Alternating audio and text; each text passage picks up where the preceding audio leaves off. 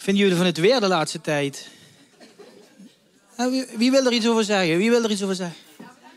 Laten we daar niet over praten. En eh, wat vinden we van eh, als we boodschappen gaan doen tegenwoordig, als we naar de kassen komen? Oh, ook niet over praten. En wat vinden we van ehm, ja, al die dingen die, eh, die in de wereld gebeuren?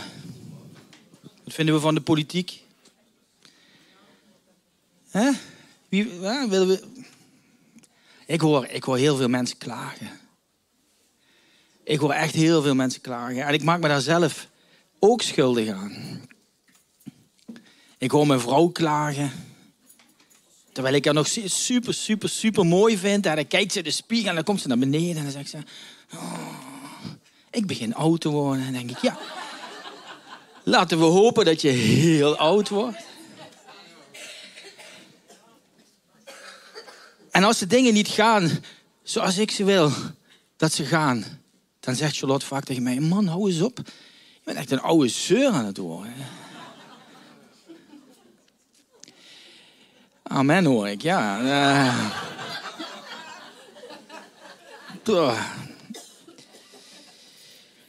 waarom voel ik me toch zo? Waarom ben ik ziek? Waarom ben ik niet tevreden met wat ik heb? Waarom gaan de dingen niet zoals ik ze wil? Waarom?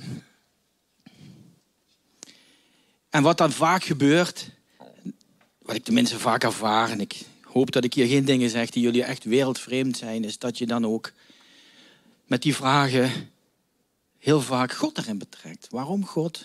Gaan de dingen niet anders in mijn leven? Waarom ben ik ziek? Waarom voel ik me waardeloos? Waarom voel ik me niet goed? Waarom voel ik me niet mooi? Waarom ben ik niet wat groter, wat kleiner, wat dunner, wat dikker, wat smaller? Ik weet het niet. Waarom, waarom, waarom? Waarom, God? Waarom? En ik, ja, dat, dat is wat ik ervaar. En ik denk dat deze preek, en dat is vaak zo als je bezig bent met een preek, dan spreek je ook heel erg tot jezelf. Ik kan ook echt mopperen. Dat weet ik, Charlotte. En op het werk ook. Hè? Ik kan ook echt mopperen en klagen. En, oh. en ik denk dat er niemand is in deze zaal, althans, die dat gevoel niet ook kent. En ik, en ik was met Rob woensdagavond op bezoek bij iemand in, in deze gemeente, bij een broer, bij een broeder, bij een vriend. En hij sprak over een deel van zijn leven wat ik nog helemaal niet kende. En was echt een verhaal waarvan ik dacht van, joh, je hebt echt alle reden om te mopperen en te klagen. Maar er kwam geen klagend woord over zijn lippen. Het was eigenlijk alleen maar, ja, weet je, ja, deze dingen zijn allemaal gebeurd, maar het is goed en het is geweldig en het is fantastisch. En ik weet wat er, waarom het gebeurd is en waar het nu eh, zich afspeelt en hoe goed het is. En, en ik reed naar huis en ik dacht, nee, dit is echt gewoon zo'n bemoediging voor mij. Is zo'n bemoediging voor mij dat ik denk, ik wil hier ook iets van. Dus ik dook uh, um, zaterdagochtend in, uh, in het woord. En ja, ik weet niet of ik het gevonden heb. Nou, ik denk zelfs, misschien heb ik het nog niet helemaal gevonden. Maar ik kwam wel een paar dingen tegen die, mij, um, die ik graag met jullie zou willen delen deze ochtend. En uh, dat ga ik gewoon doen. Klagen, is dat iets alleen van deze tijd? Je zou kunnen denken dat het vooral iets van deze tijd is. Als je Facebook opent of als je berichten leest, er wordt, wordt wat afgeklaagd. Maar volgens mij is het nog altijd zo dat er nu uh, mensen 90 worden die en misschien niet de goede dingen in het leven doen. En mensen met 20 uit het leven gegrepen worden waarvan je denkt van ja, maar hoe is dit in hemelsnaam mogelijk? Dat de onderdrukker een schitterend leven leeft zie je vroeger in de Bijbel, en zijn slaaf niet eens een leven leeft. De vraag, waar is God en doet God er niets aan, is zeker geen uitvinding van deze tijd. Nee, de Bijbel spreekt daar ook al over. Maar nemen wij die vraag tegenwoordig in de kerk nu nog serieus genoeg, vraag ik me wel eens af. Want als wij hier samenkomen, als we bijbelstudie hebben, als we liederen zingen, dan is het eigenlijk een soort van zelfsprekendheid dat we weten dat God er is. En dat we ons dat ook niet afvragen, waar is God? Natuurlijk is God er. Natuurlijk zorgt God voor, ons. Natuurlijk. Maar waarom merk ik daar soms niks van dan even? Of misschien wel een hele tijd. Waarom lijkt bidden soms onbeantwoord? En als dan, waarom lijkt het soms alsof God niet luistert? Is God er dan wel? En in de Bijbel wordt die vraag ook gewoon hardop uitgesproken. Het bange vermoeden dat God er wel eens niet zou kunnen zijn, is niet alleen iets van de 20e of de 21e eeuw. Mensen uit de Bijbel stelden zich die vraag ook al. Alleen wat zij deden, en wat ik wel een verschil vind, maar wat ik in ieder geval doe, is... Zij legden die, die vraag ook gewoon terug bij God.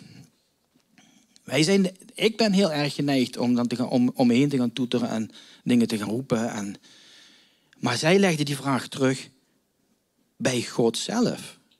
Ze gingen in hun twijfels niet filosoferen of diep, diep, nadenken of dingen proberen uit te leggen of te verklaren om eruit te komen of om een antwoord te vinden. Nee, zij stelden die vraag en ze legden die vraag bij God neer. Psalm 22 is daar een schitterend voorbeeld van.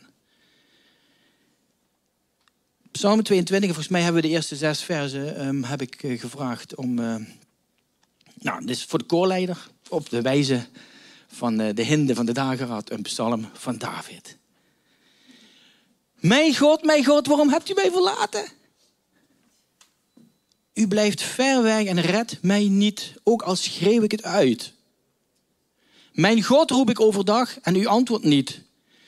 S'avonds of s'nachts en ik vind geen rust. U bent de heilige die op Israëls lofzangen troont. Op u hebben onze voorouders vertrouwd. Zij hebben vertrouwd en u verloste hen. Tot u geroepen en zij ontkwamen. Op u vertrouwd en ze werden niet beschaamd. En toch heet deze tekst, mijn God, mijn God, waarom hebt u mij verlaten? Dus ook toen worstelden mensen met de vraag, waar ben je? Waar bent u?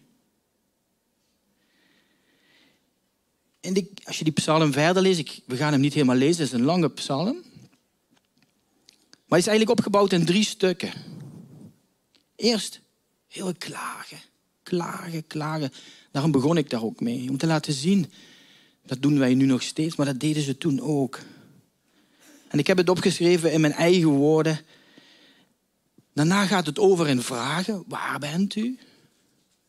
En het eindigt wel met een stukje van, maar ik moet blijven vertrouwen. In de kerk wordt er over u gezongen. Dan worden mensen enthousiast over u. Maar ik, Heer, ik weet niet of ik dat allemaal nog kan geloven. Dat is een vrije vertaling van die psalm. Hè? Zou het echt zo zijn dat u helpt? Mensen die ik om me heen spreek, moeten erom lachen. Kom nou, je gelooft toch niet dat God helpt? Of als er iets misgaat, grappen ze, dan moet je dan maar voor bidden. Alsof dat echt iets zou uitmaken. God, ik snap er niks van. Ik ben toch geboren? Ik wil maar niet geloven dat dat blind toeval was. Dat die ene zaadcel van pa bij die eicel van mam kwam, dat dat toevallig was dat ik daar was, dat ik geboren ben. Dat wil er bij mij niet in. Dat was u toch? U gaf mij toch leven? U wilde toch dat ik geboren werd? Maar waarom merk ik er dan zo weinig van? God blijft toch niet zo ver weg? Geen mens kan me hierbij helpen. De problemen die ik heb. Ik zou in u willen geloven en in uw liefde. Maar mijn geloof is zo klein. Mijn geloof is zo klein. Het loopt maar als zand tussen de vingers weg. Ken je dat gevoel? En mijn mond is zo droog, ik kan niet meer. Woorden heb ik er niet meer voor. Ik heb al honderden preken gehoord over u, God. Al duizend keer in de Bijbel gelezen, maar het zegt me soms zo weinig. soms blijft er niets van me over. Ik val uiteen in stukken. Soms geloof ik in u, soms niet. Soms wil ik u geloven, maar kan ik niet. Soms wil ik eigenlijk ook niet meer in u geloven, maar ik kom ook niet van u los. Dat is Psalm 22. Als je hem vertaalt in je eigen tenminste als ik het vertaal in mijn eigen woorden, klagen, vragen, waar is God, waar bent u en waarom hebt u mij verlaten?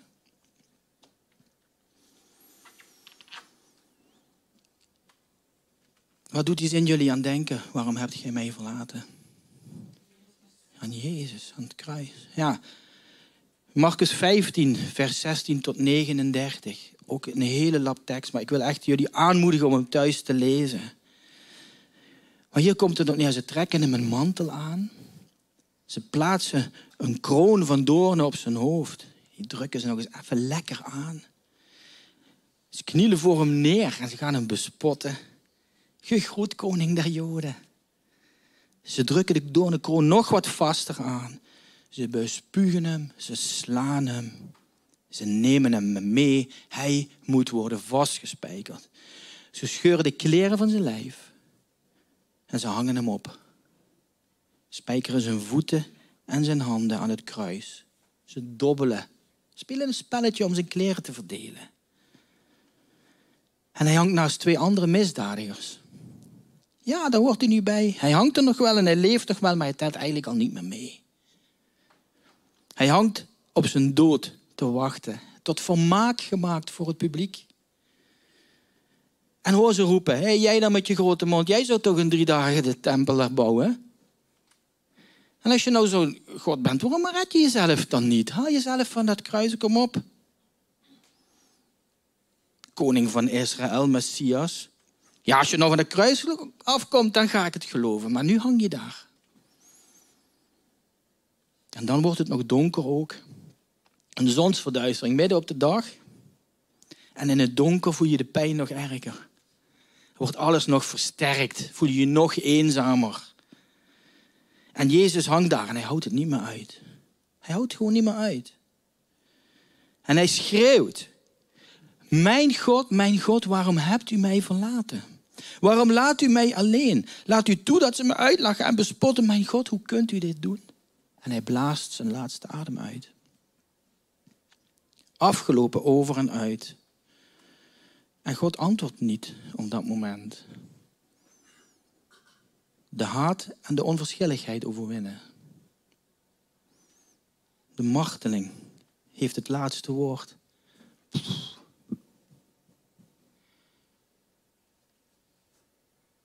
En ik moest denken, of ik stelde me zo voor hoe dat moet hebben gevoeld voor de mensen die daar om hem heen stonden en wel nog in hem geloofden, die paar. En de schrijver hier, en ik denk ook Jezus zelf, had Psalm 22 op dat moment echt in zijn hoofd. Mijn God, mijn God, waarom hebt u mij verlaten?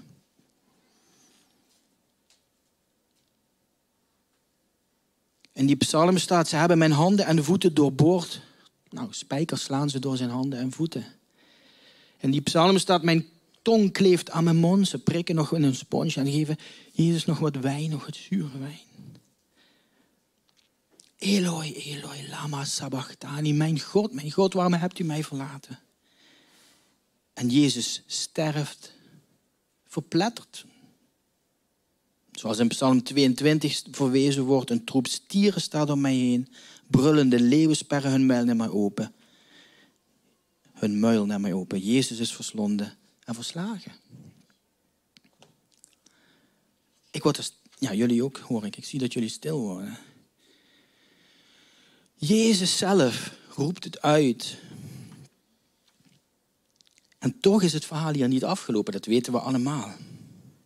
Maar is het opeens allemaal anders? Gaat het opeens weer goed met bijvoorbeeld de dichter van Psalm 22? Gaat het opeens goed met Jezus? Daar lezen we eigenlijk niks over. Maar wat er wel staat is dat opeens, mijn God, mijn God heeft mij geantwoord, staat Psalm 22. Gods antwoord is niet een ingreep vanuit de hemel die in één klap een einde maakt aan alle ellende.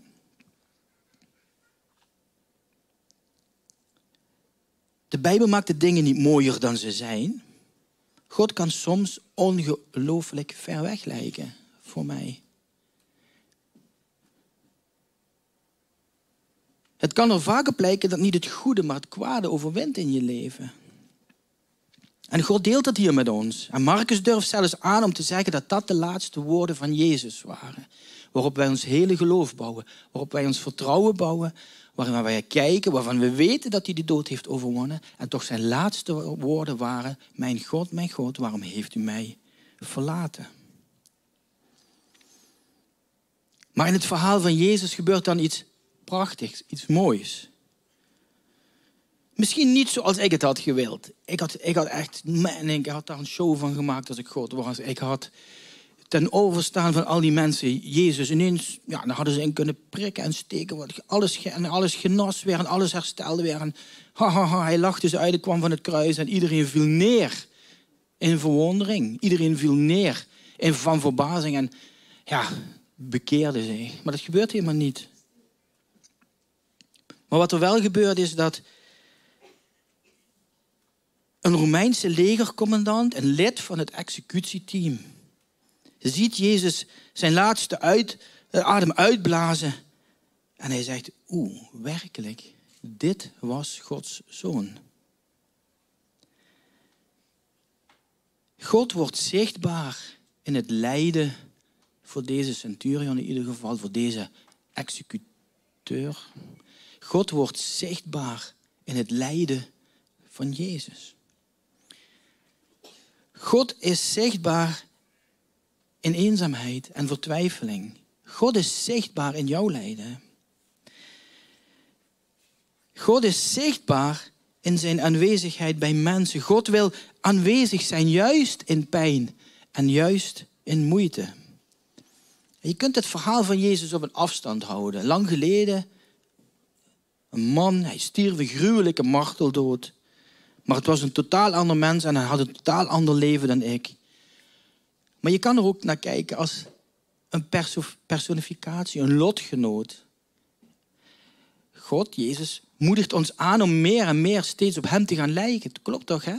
God wil dat we op Hem gaan lijken.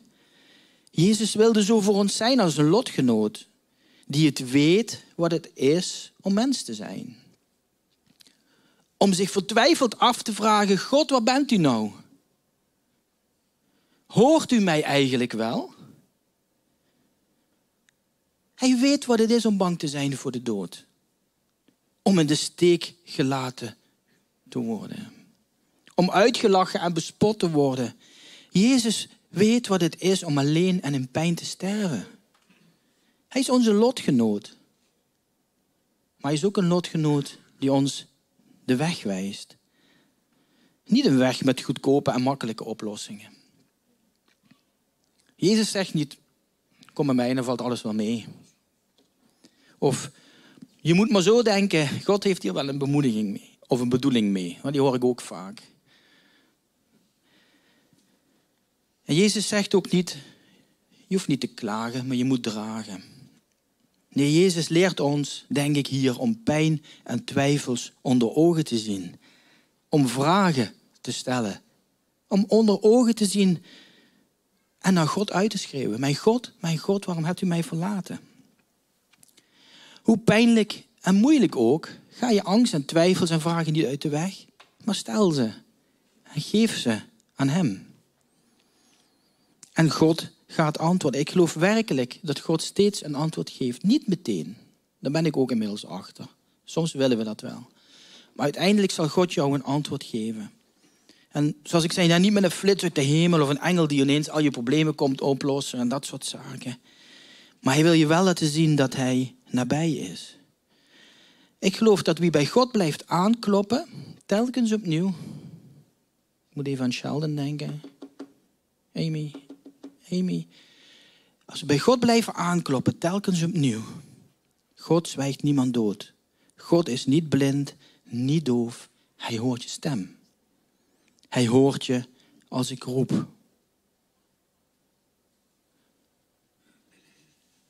En hier je, kan ik eigenlijk stoppen met mijn preek. Hij hoort je als je roept. Dus eind goed, al goed. Blijf volhouden. Het komt allemaal goed. Maar ik kan niet voor jou of voor u zeggen of God jou al heeft geantwoord en wanneer hij dat gaat doen. Dat kan ik niet. Dat weet God alleen. Ik weet ook niet waar God is als het moeilijk is. voor jou. Ik weet ook niet wat God is als het moeilijk is voor mij. Maar ik weet wel dat Hij al onze moeilijkheden in Jezus heeft laten zien en heeft gedeeld. En ik weet dat Jezus uiteindelijk het gedragen heeft voor mij en voor jou en voor jou en voor u thuis. Jezus heeft het gedragen, heeft het volbracht en heeft het weer rechtgebreid. Hij is midden in onze moeilijkheden en in onze pijn naar ons toegekomen. En op een dag zal je zeggen, mijn God heeft mij geantwoord, daar geloof ik in. Dat geloof ik echt. Maar wat doe je dan in de tussentijd? Wat doe je in de tussentijd? En ik wil met jullie een stukje lezen uit Hooglied. En Hooglied is een heel bijzonder boek. Wie, wie leest wel eens een Hooglied? Wie leest daar heel veel in? Wel eens, zie ik wel. Ja. Hooglied is één grote liefdesbrief met drie lagen. Het vertelt iets over een relatie tussen mannen en vrouwen. Liefde. Het vertelt iets over hoe God zijn volk ziet, Israël. Maar het vertelt ook over hoe Jezus als bruidegom naar ons, de kerk, als bruid kijkt. Jezus is namelijk de bruidegom en de kerk van Jezus, wij zijn zijn bruid. Een hemelse bruiloft zal gaan plaatsvinden, dat kun je overlezen in openbaringen. En Hooglied gaat dus over de relatie tussen God en christen, tussen God en ons. En in hoofdstuk 5 komen de bruid en de bruidegom op een punt waarin de bruid zich letterlijk overgeeft aan de bruidegom. Ze heeft haar tuin en tuin staat voor haar hart. Ze heeft haar tuin in handen van Jezus gegeven. Jezus is degene die ons hart bewerkt. Hè? En dan staat er het volgende in Hooglied, in Hooglied 5, in de versen 2 tot 6. Er staat, ik sliep, maar mijn hart waakte. De stem van mijn liefste die aanklopte. Doe mij open, mijn zuster, mijn vriendin, mijn duif, mijn volmaakte. Want mijn hoofd is vol dauw. Mijn haarlokken vol druppels van de nacht. Ik heb mijn onderkleed uitgetrokken. Waarom zou ik het weer aantrekken? Ik heb mijn voeten gewassen. Waarom zou ik ze weer vuil maken? Mijn liefste trok zijn hand uit de opening van de deur en mijn binnenste werd onrustig om hem. Ik stond op om mijn liefste open te doen. En mijn handen dropen van mirre en mijn vingers van vloeiende mirre over de handgreep van de grendel. Moet je even voorstellen wat daar een verlangen zit. Dus de bruidegom staat aan de deur en klopt. De bruid ligt in bed. En ze verlangen naar elkaar zo echt dat het er vanaf druipt, als het ware. En dan staat ze op en dan staat er het volgende. Ik deed mijn liefste open, maar mijn liefste was weg. Hij was weggegaan. Ik was buiten mezelf toen hij sprak. Ik zocht hem, maar ik vond hem niet. Ik riep hem, maar hij antwoordde mij niet. Mijn God, mijn God, waar bent u? Waarom hebt u mij verlaten? En dan gaat hij, dat, dat hooglied 5, dat gaat verder. Dan moet je echt even lezen, dat gaat verder. En dan, ja, dan staan er zo'n mooie dingen beschreven. Dan komen haar vriendinnen en die zeggen, ja, maar waarom net hij? Waarom zou je net op hem wachten? En, uh, niet een handvol, maar een landvol. Hè? Dat staat er eigenlijk. Maar die dochters van Jeruzalem, zo heten ze in het hooglied, die vragen dan inderdaad: waarom wil je net hem vinden? Waarom wil je net naar hem op zoek? En dan vertelt ze over alles aan hem is begeerlijk. Alles aan hem is perfect. Alles aan hem is het beste. Zo is mijn liefste, zo is mijn vriend, zegt ze. Hij steekt als een vaandel boven tienduizend uit. En na een overwinning werden vaandels gegeven in die tijd. Om te laten zien dat je gewonnen had. En deze steekt als een vaandel boven tienduizend uit. Jezus is overwinnaar en steekt boven alles uit. De bruidegom Of de bruid wil openmaken voor de bruidegom en de bruidegom is ineens weg. En wat doet deze vrouw nou? Gaat ze klagen? Nee. Ze vraagt zich af waar hij is en ze roept iedereen op. Laten we hem gaan zoeken. Zij gaan zoeken. En blijven vertellen hoe geweldig die bruidegom is. En ze blijven vertellen over hoe groot hij is en hoe perfect. En ik denk dat dat de les is voor mij voor vandaag. Dat als ik weer aan het klagen ben. En als ik weer die vragen aan het stellen ben. Waarom God? Waar bent u? Waarom doet u niks? Dan mag ik zijn als deze vrouw. Ik mag hem zoeken. En blijven zoeken. En, en moet hem blijven zoeken. En ondertussen moet ik blijven vertellen hoe prachtig en hoe mooi en hoe geweldig en hoe fantastisch en onbegrijpelijk Hij is.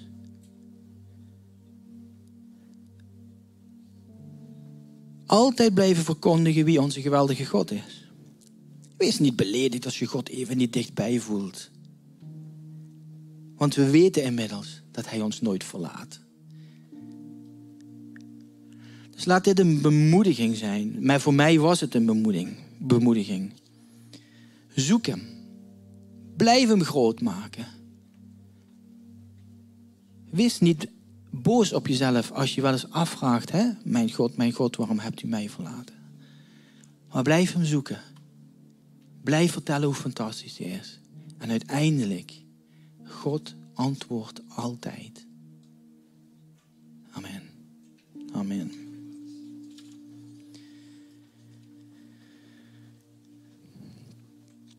Ja, lieve Vader in de hemel, dank u wel. Heer, dank u dat u gewoon bent wie u bent. Zoals u vaak zegt, ik ben de ik ben.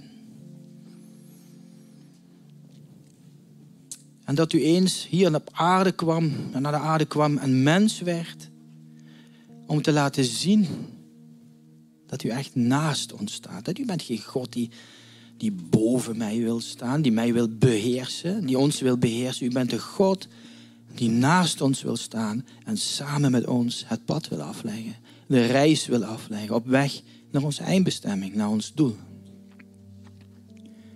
U bent een God waar je ook af en toe over mag klagen. En waar je mag uitroepen, mijn God, mijn God, waarom hebt u mij verlaten? Maar u bent diezelfde God die het waard is om steeds gezocht te worden. Aan één stuk door blijven wij u zoeken, Heer. En verkondigen hoe groot, liefdevol, geweldig en goed u bent.